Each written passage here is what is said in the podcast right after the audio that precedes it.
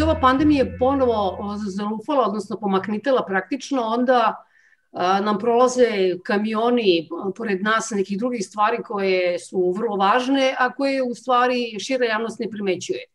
Sad, često to nisu ni kamioni, nego avioni, da ne kažemo sači aviona, ali u svakom slučaju pre sedam dana je stupilo na snagu ovaj zakon o utvrđenju porekla imovine, odnosno njegove izmene, kako biste, kojim biste prevoznim sredstvom to okarakterisali? Koliko je to važan zakon i mislim da ovo nije loš moment da vidimo kakva je njegova predistorija, da bismo znali kakva je intencija imala ova vlast i onda ćemo naravno porazgovarati o njegovoj konačnoj verziji.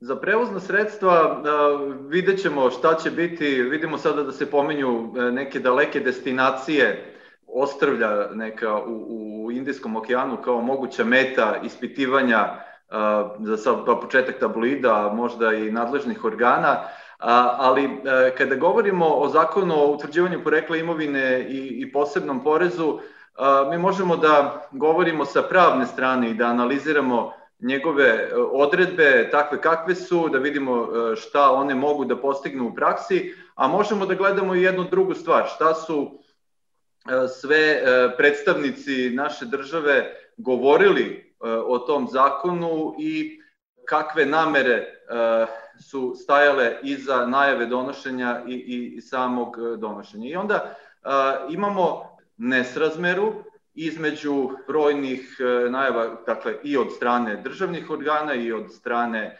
njima bliskih sredstava informisanja, o tome kako je reč o aktu koji treba da donese nekakve revolucionarne promene, da dovede do ostvarivanja pravde, do utvrđivanja istine. Sa jedne strane i s druge strane imamo jedan zakon koji u svojim odredbama nosi puno dilema i mogućnosti da neke njegove odredbe se pokažu tokom primene kao neustavne i da na kraju imamo za efekat nove nepravde i možda dodatno opterećenje umesto ostvarivanja prihoda za budžet. Zakon još pre godinu dana je usvojen i da taj period nije bio iskorišćen za to da se vidi mogu li te odredbe da opstanu u praksi, u pravnom sistemu i mogu li one da donesu željeni efekat. Umesto svega toga dobili smo neke minimalne promene u poslednji čas, E, otklanjanje jedne od potencijalnih neustavnosti u vezi sa e, definicijom e, nezakonito stečene imovine, ali su ostale sve druge brojne dileme koje se tiču pre svega mogućnosti da Poreska uprava u ispitivanju porekla imovine i utvrđivanju poreza ide preko onog roka koji postoji uobičajeno u, u standardnim poreskim propisima za zastarelost. Koliko je to? Pet godina? Koliko je? E, da, u zakonu o poreskom postupku i poreskoj administraciji koji je donet još 2002. godine e, i ostoje na snazi sve ovo vreme, e, postoji rok zastarelosti od 5 godina, drugim rečima, Poreska uprava kao državni organ ima mogućnost da ide 5 godina unazad i da utvrdi da neko neki građanin e, nije prijavio svoje prihode, e, da nije obračunat porez na njih i onda imaju tu mogućnost, evo to su na svojoj koži osetili sada ovi radnici na internetu, jel da kako su ovaj, se nazvali kao grupacija, kojima je Poreska uprava ispostavila unazad za pet godina račune za neki neobračunati porez. Ovde, e, u ovom zakonu o utvrđivanju e, porekla imovine, imali smo, e, dok je on pisan, prvo nameru, predlog Ministarstva pravde, da se taj porez obračunava počev od 1. januara 2007. godine. I taj datum je delovao kao da je slučajno izabran, međutim mogli smo da čujemo njihovo objašnjenje da su od tog datuma uspostavljene neke evidencije unutar Poreske uprave i da će oni efektivno moći da prate stanje i da porede stanje sa svojim evidencijama stanje nečije imovine, e, počeo od 1. januara 2007. godine. Onda su se čuli mnogi glasovi protiv e, tog datuma i e, tako su ljudi tvrdili pa zašto sada 1. januar 2007. Da li to znači da će biti neispitani prihodi iz sumnjivih privatizacija, na primjer iz 2001. druge i tako dalje. Da li to znači da će ostati neispitani nezakoniti prihodi iz 90. godina i mislim da je postupljeno opet na najgori način, dakle iz radi populizma ukinuto je i to ograničenje, a da pritom ni u jednom ni u drugom slučaju nismo mogli da čujemo neko jasno obrazloženje na koji način takva jedna norma uopšte može biti ustavna ako se ima u vidu onaj opšti rok zastarelosti od 5 godina koji je jednom nastupio i ne može sada nešto što je zastarelo da, da odstari, ne postoji takav pravni mehanizam u, u našem sistemu. Ovaj zakon je predstavljen kao antikorupcijski zakon, kao evo sad ćemo mi najzad da pohvatamo sve koji su se nezakonito obogatili. Tu mogućnost su, zar ne, imali i ranije, unazad koliko praktično 18 godina. Ovi su na vlasti skoro 10 godina. Da li su uopšte primenjivali odnosno koristili tu mogućnost koja im se pružala i zašto misliš da su sada uradili to što su uradili? Meni je malo pre rekao ključnu reč populizam. Naime, 2002. da li 2003. počeo se primenjuje taj zakon o porezkom postupku i porezkoj administraciji, on je doneo mogućnost unekrsne provere imovine, provere prihoda, troškova i onoga praktično čime će se baviti i ovaj zakon i zaista dočekan i taj zakon je najavljivan kao nekakav veliki pomak, ali ne antikorupcijski, nego kao pomak ka utaj poreza dosta je tada bio, bio, bio fokus na estradu, znači kategorije ljudi koji izbegavaju plaćanje poreza. I godinama se ništa tu nije dešavalo i onda smo mogli u jednom trenutku da čujemo da je postojao problem sa nekakvim a, podzakonskim aktima koji nisu doneti i onda u jednom trenutku je bio novi talas entuzijazma, evo sad smo usvojili neke akte, sad ćemo početi da primenjujemo, pa se opet na kraju ništa nije desilo. I onda se s vremenom na vreme moglo čuti nešto o tom zakonu i intenzivira se priča o tome a, sa praktično Aleksandrom Vučićem koji koristi to kao još jedan a, najavu još jednog čarobnog štapića koji će rešiti sve probleme. Njegov prvi čarobni štapić je bilo hapšenje Miškovića. Znamo svi kakav je epilog te antikorupcijske priče koje se svele na kraju na poresku priču. A evo i ova njegova druga velika antikorupcijska priča, odnosno zakon o poreklu imovine i svi ti talasi najavljivanja saće sledećeg meseca. Na kraju se ponovo sve to svelo na jedan poredski zakon, čiji je prevashodni cilj da se naplati određen iznos, 75% tog novca i da se napuni budžet. Taj zakon je naravno trebalo da, da, da izrađuje Ministarstvo financije i da ga ono predstavi da ga ministar financije vrani u Skupštini, a isključivo iz populističkih razloga to je uh, palo na Ministarstvo pravde i na ministarku koja onda u Skupštini izgovara rečenice kao što je ovo jedan antikorupcijski zakon par excellence svaki zakon može imati antikorupcijski efekt, gotovo svaki, nije to sporno. A, zašto? Zato što ako se zaista bude obuhvatila nekakva kategorija ljudi koji rade sa javnim novcem. Znači, ako se utvrdi da su oni obogatili, može se znači javiti sumnja da je poreklo tog novca koje ono ne, oni ne mogu da objasne iz nekakvih koruptivnih dilova. I onda ovaj zakon predviđa da se to prepušta dalje na istragu tužilaštvu i policiji, što nije praktičan nikakav nov antikorupcijski mehanizam. Policija i tužilaštvo i ovako treba da istražuju kada mediji otkriju da je neko ne znam, nabavio 24 stana, da je sam sebi prodao, prodao firmu, da je a, kupio stan za novac za 200.000 koji je donosio u, u 20 tranši iz Kanade, tako da bi tako trebalo da se bave time taj antikorupcijski efekt je praktično, da kažem, kolateralna šteta naplate poreza. Ali problem osnovni jeste u tome što će se vrlo teško post festum dokazati a, korupcija. Ako smo Nemanja ja, ja kao javni službenik, kao on kao privatni partner zaključili pre pet godina nekakav deal na osnovu kog sam ja dobio 500.000 evra, a on nekakve pogodnosti, vrlo će se teško dokazati da je Nemanja meni dao 500.000 evra koji su sada meni neobjašnjivi višak imovine. I e, efekat će biti da ću ja 375.000 morati da vratim, a 125.000 ostaje meni. Tako da, dugoročno posmatrano, ovde se može desiti da imamo jedan drugačiji efekat, a to je da korupcija poskupi pa da s obzirom na to da moram da računam da ću ostati bez tri četvrtine mita, morat ću da podignem cene mojih usluga kada radim sa, sa privatnim partnerima. Naravno, uvek se postavlja to pitanje, a, a to je pitanje kriterijuma.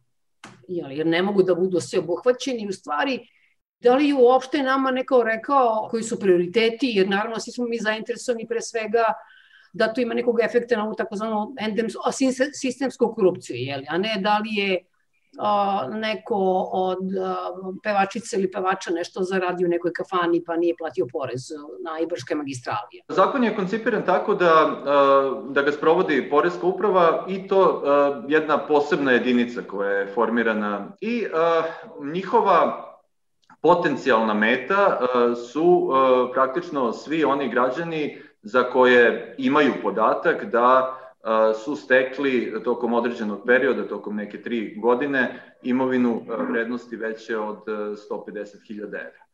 Dakle, to su potencijalni subjekti provere. E sada, koliko ima takvih građana uopšte? I koliko će kontrola ova posebna jedinica moći da sprovede tokom recimo jedne godine, mi ne znamo.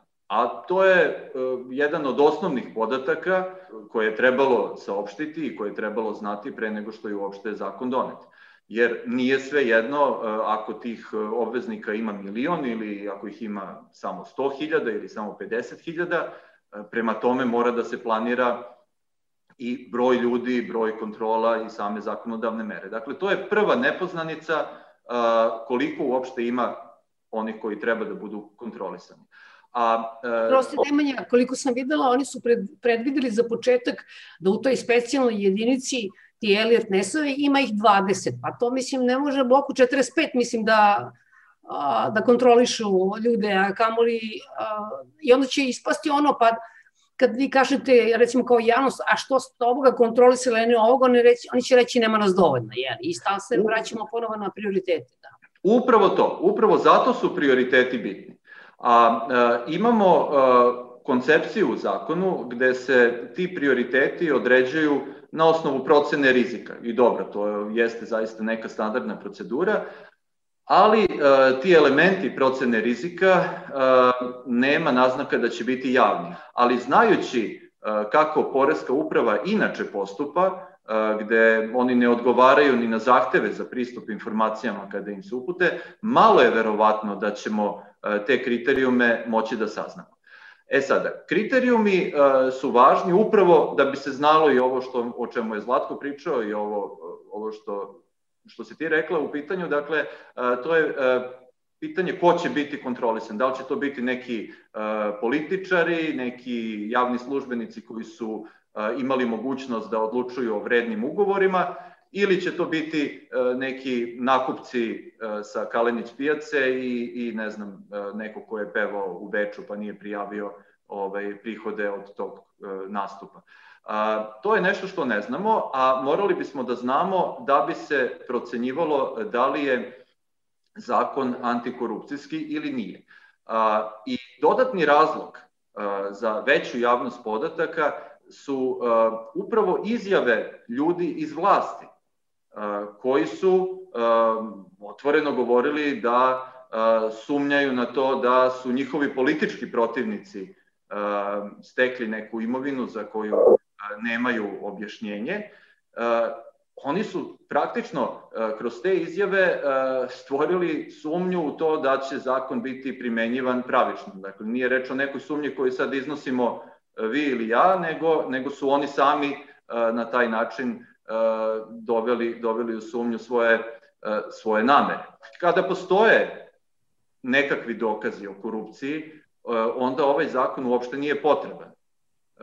Nekakvi dokazi ili čak sumnje u korupciji, ovaj zakon uopšte nije potreban, jer Srbija još od 2009. godine ima zakon koji omogućava da se u fazi nekih krivičnih istraga, ne samo za korupciju, već i za druga krivična dela, oduzme privremeno imovina za koju vlasnik nema dokaza o sticanju. Sa te strane ovaj zakon možda ne bi, ne bi ni imao neke antikorupcijske efekte, on ih može imati samo u odnosu na ljude za koje ne postoji apsolutno nikakva sumnja u to da su se bavili nekim kriminalom, ali jednostavno imaju imovinu e, neobjašnjive e, vrednosti e, nesrazmerno njihovim prihodima i gde onda se kroz ovaj postupak možda sazna nešto novo. Da, sam se stvari setila da je uh, Aleksandar Vučić molio, kako kaže, da on bude među prvih desetoro kojima će se ispitivati to poreklo imovine. Zlatko, šta bi ti još apostrofirao kao problem ovog zakona i molim ti da nam objasniš termin, kako se kaže, troškovi koji ima fizičko lice, kako beše to? To je nešto što je uvedeno ovim izmenama precizirano, znači razlika između tih prihoda i imovine, da ne bi sva bila oporezovana, oduzeće se e, ti neki troškovi koje, koje neko imao ovaj, u tom periodu ili će se praktično dodavati na trenutno stanje. Ono što je sporno jeste da nije uređeno zakonom na koji način će se utvrđivati kakvi su ti troškovi, nego će to, da li Ministarstvo financije ili Poredska uprava da pod zakonskim aktom propisuje.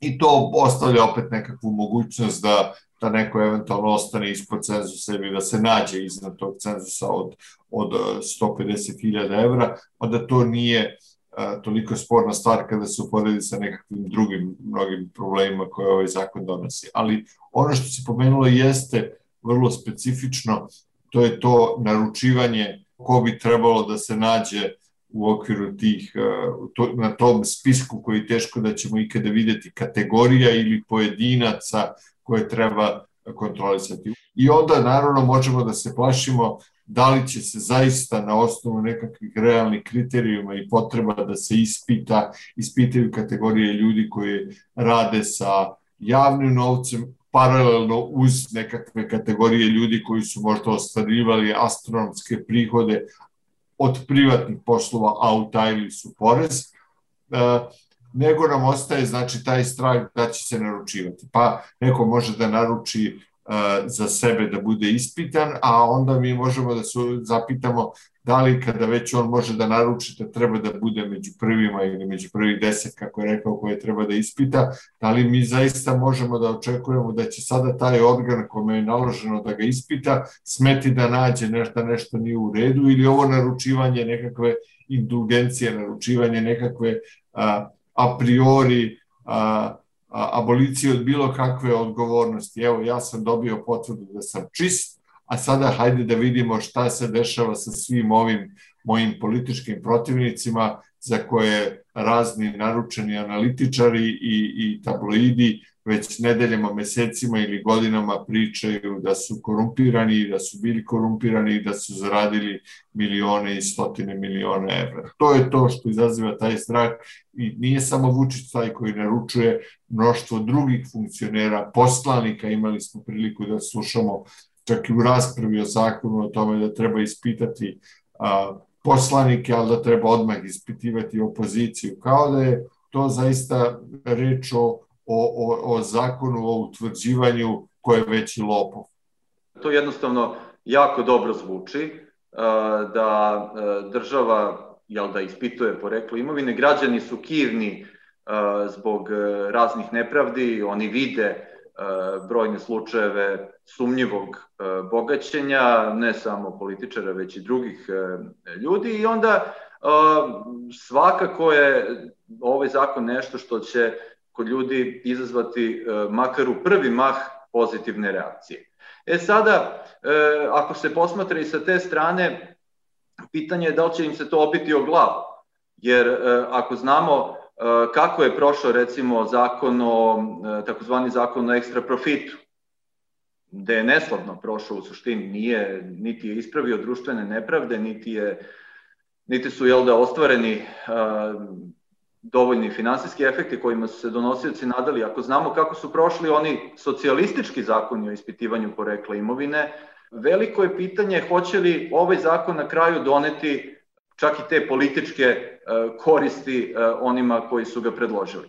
A inače, ove, najave su trajale, ja mislim da je prva najava bila negde Vučić bio u Skupštini pa je rekao bit će do kraja godine donet zakon, a mislim da je to bila 2013. godina e, još u pitanju. Tako da oni koji su e, imali najviše razloga da se boje ovog zakona, imali su dovoljno i vremena da sklone imovinu negde gde će biti sigurnija od, od kontrolora za svih ovih 7-8 e, godina. Ima i jedna anegdota oko toga e, koliko je ovaj zakon u stvari iz početka najavljen kao populističko sredstvo, a nije se znalo šta njime treba uopšte da se postigne.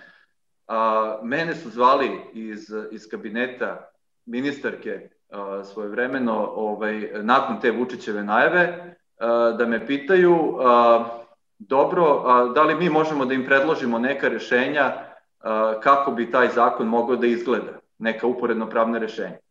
I ja sam pitao tog službenika iz kabineta, pa dobro, ali u redu, rekli ste mi naziv zakona, zakon o ispitivanju porekla imovine, ali šta vi konkretno želite uopšte da regulišete kroz taj zakon? Čovek nije znao da mi kaže. Ljudi iz vlade su dobili praktično nalog da pripreme takav zakon, ali bez ikakvih e, naznaka o tome šta je to, koji je to problem konkretno koji treba da se reši, a koji nije rešen već postojećim propisima. Ali nikada nismo čuli zaista ni tokom e, pripreme zakona, ni nakon njegovog donošenja, zašto oni mehanizmi koji su u zakonu o porezkom postupku i poreskoj administraciji ustanovljeni 2002. pa kroz podzakonski akt 2006. godine nisu doneli rešenje. A ne da se predlaže novi propis koji će da reši uh, problem uh, toga što neko nije želeo da primeni ranije.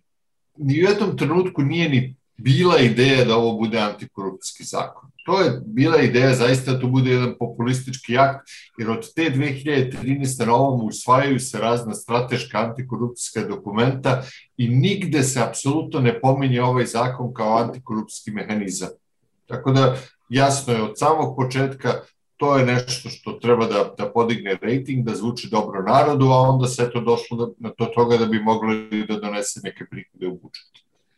Iako uh, se govori i u naslovu o tome da je reč o zakonu o utvrđivanju porekla imovine, kada se pogleda suština onoga što se reguliše, uh, u stvari je reč o prihodima.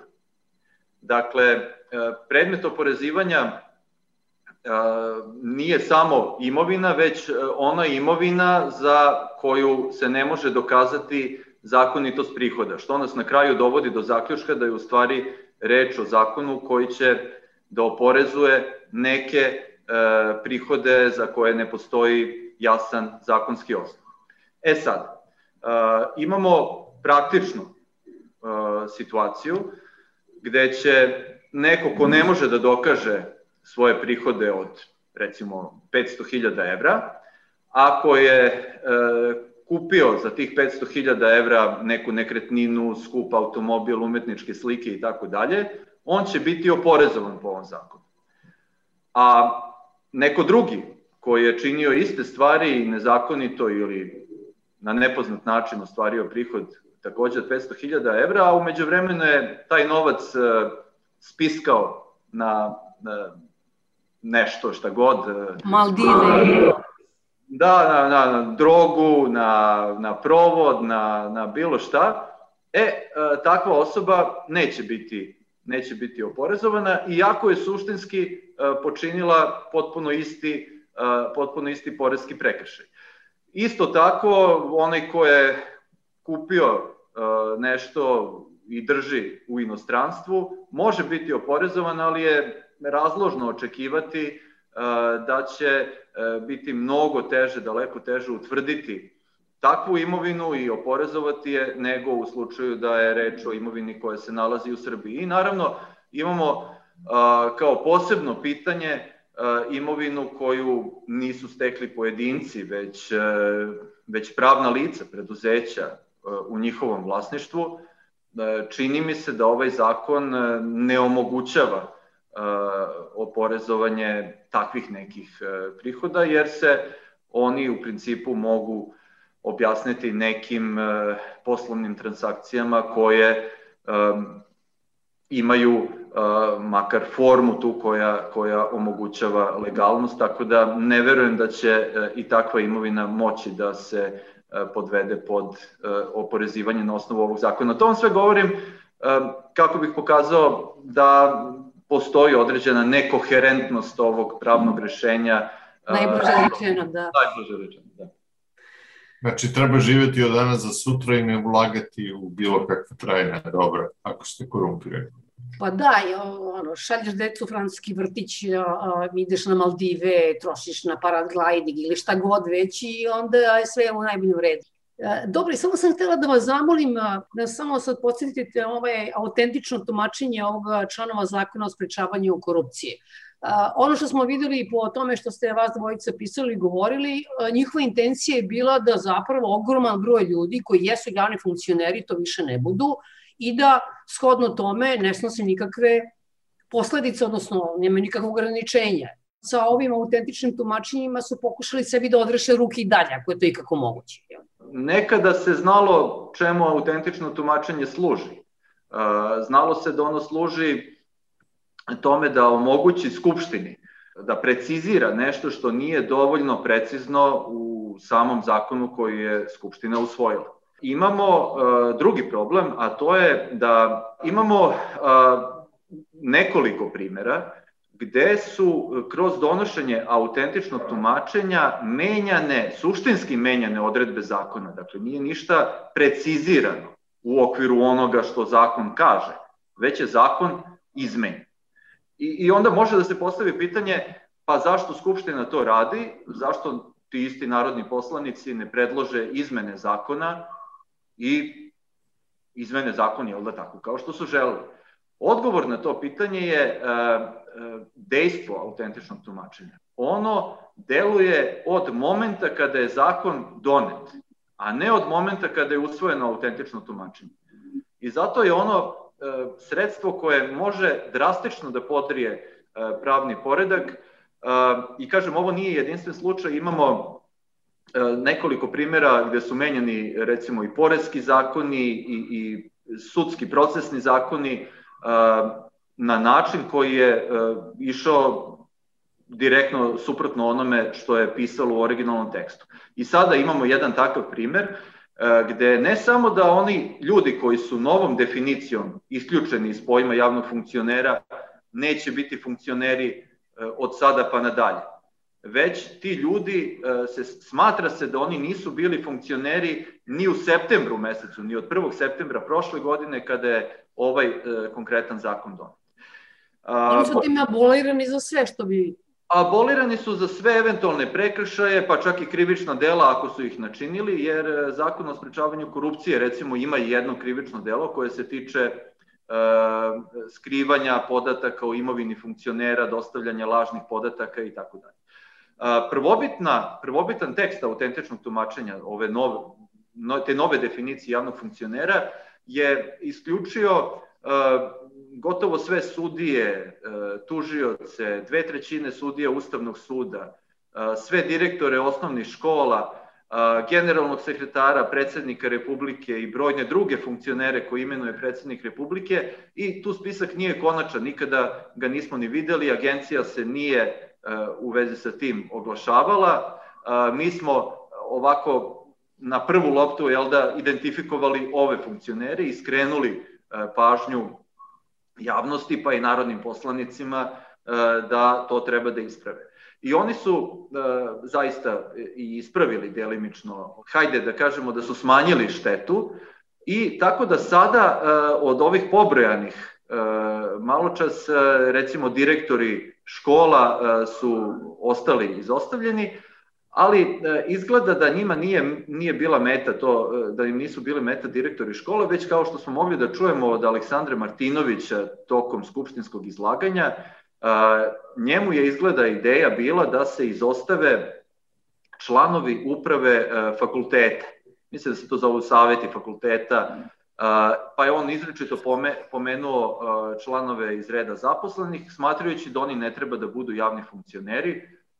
U redu, može čovjek to da smatra, mogao je da predloži izmenu zakona tako da se ona odnosi samo na njih, ali umesto da učini tako, valjda mu se učinilo elegantnije da, da prođe čitava stvar kroz autentično tumačenje, a možda je bio cilj da se sačuvaju neki konkretni pojedinci koji nisu poštovali zakon od 1. septembra do, do sada od moguće kazne. Ali ono što je ovde gore od, od posledica za primjenu ovog konkretnog zakona koji, koji su absurdne. Evo, rekao sam vam, direktori škola su izostavljeni, a recimo ostaće, ja ne znam ni kako se to zove, to su vede školski odbori, Školske koje, koje se formalno pitaju jel da, za razne stvari, ali naravno da direktor ima daleko veću moć i, i, i neku mogućnost da zloupotrebi svoju funkciju nego član školskog odbora.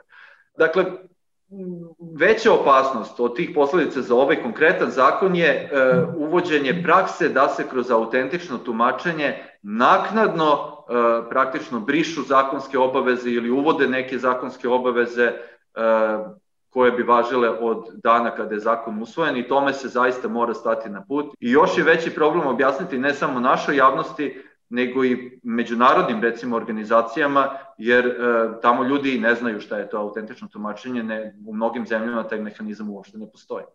To obrazloženje koje smo čuli od Aleksandra Martinovića je bilo otprilike e, zvučalo je kao da se neko silno naljutio zašto se agencija drznula da proverava njegovu imovinu ili da ga pita zašto nije prijavio imovinu, pa se poželio Martinoviću i onda je Martinović u Skupštini pričao kako eto agencija uznemirava nesrećne profesore sa fakulteta umesto da se bavi korupcijom bivših vlasti. A ne samo bivše vlasti, nego, nego ovaj, korupcijom u pokretu dveri. Da, i da, između ostalo to, ovaj, bar tako to sad izgleda, to je sad kao roman jedan, neko se naljutio, pozove Aleksandar Martinović i kaže vidi molim te šta mi radi ova agencija, onda Aleksandar Martinović sedne i kaže sad ću ja njima da doakam. I napiše jedno autentično tumačenje zakona, to donese na odbor gde niko ne progovori ni jednu reč o tome, nego svi dignu ruku izglasaju. I onda se izglasaju takve katastrofalne sumanute posljedice. Meni je zaista ovaj Ustavni sud bio onako vrhunac absurda da vi od 15 sudija Ustavnog suda biste posle toga imali 10 koji e, ne moraju da prijavljuju imovinu koji nisu funkcioneri i pet koji su funkcioneri. I onda, eto, kao posljedica svega toga mi podnosimo prijavu tom skupštinskom odboru na čijem je čelu Aleksandar Martinović protiv članova tog odbora e, zbog toga što nisu poštovali kodeks, što nas opet dovodi do teme absurdnosti kodeksa i, i, i tih mehanizama za praćenje sprovođenja kodeksa. I, i vidite sad, e, kroz ovu priču celu kod koju se krećemo u ovom našem razgovoru, gde god zagrebete, zagrebete i dolazite do nekih novih absurda, nekih grotesknih situacija, jer u stvari mi nemamo državu, nemamo instrumente, imamo jedan privid koji se održava na, na, na tim a, plamenim, vatrenim govorima o tome da ćemo sve uraditi oru, braćo Juriš. Oni sada derogiraju i unazad menjaju suštinski zakone tim autentičnim tumačenjima, a već smo do sada imali situaciju neredko da su podzakonski akti pravljeni tako da menjaju zakone, a zakoni koji unazad menjaju ustav dakle, geometrijskom progresijom se zapravo stvara taj jedan pravni e, haos, u kom, naravno, u tom lovu mutnom zna se ko može da profitira jedino. To je praktično krojenje, krojenje zakona prema potrebama onoga ko je naručio određenu, određenu zakonsku odredbu. I do toga neka dolazi uh, u samoj skupštini, uh, ali ređe zato što je tamo to vidljivije, mnogo češće se e, odredbe kroje prema e, koruptivnim potrebama u, u, unutar samih ministarstava koje pripremaju inicijalno zakon. Tako da je ovo samo deo jedne šire priče koju prepoznajemo i kada se zaključuju međudržavni sporazumi, kada se donose zakoni samo za jedan projekat, kao što je slučaj Beograda na vodi, kada se E, donose zakoni za više sličnih projekata kao što je ovaj zakon o linijskoj infrastrukturi, e, koji će verovatno prvo biti primenjen za Beogradski metro, gde se kroje pravila tako da ono što bi inače predstavljalo koruptivni dil postane savršeno legalno i šta više prepoznato kao neki, neka vrsta nacionalnog interesa ova stvar sa autentičnim tumačenjima je, e, kažem, samo nova i još drastičnija u toliko što se pravila menjaju ne samo za budućnost, nego, nego i unazad. Ovaj primer je e, ekstreman, ali imamo i druge, recimo, kada su menjane neka pravila e, sudsko-procesnog karaktera, gde je odredba glasila otprilike tako da pravni zastupnik, advokat nema pravo na naknadu u nekom slučaju i onda je doneto autentično tumačenje koje kaže da ima pravo na naknadu u tom istom slučaju. Znači, to je, to je taj nivo, nivo ovaj, e, izmena koji se postežu. Ustavni sud, e, kada bi hteo, verovatno bi mogao mnogo više da uradi, e, ali videli smo da nisu reagovali na adekvatan način i u situacijama koje su bile prilično jasne, poput onog zakona o umanjenju penzija. Ne polažemo mnogo nade, ali ovaj, ipak tamo sede neki ljudi, pravnici, koji bi mogli da razumeju argumente zašto ovakve stvari ne mogu da ostanu na snazi i ako ništa drugo, makar će se namučiti kada budu obrazlagali zašto ne prihvataju takvu inicijativu.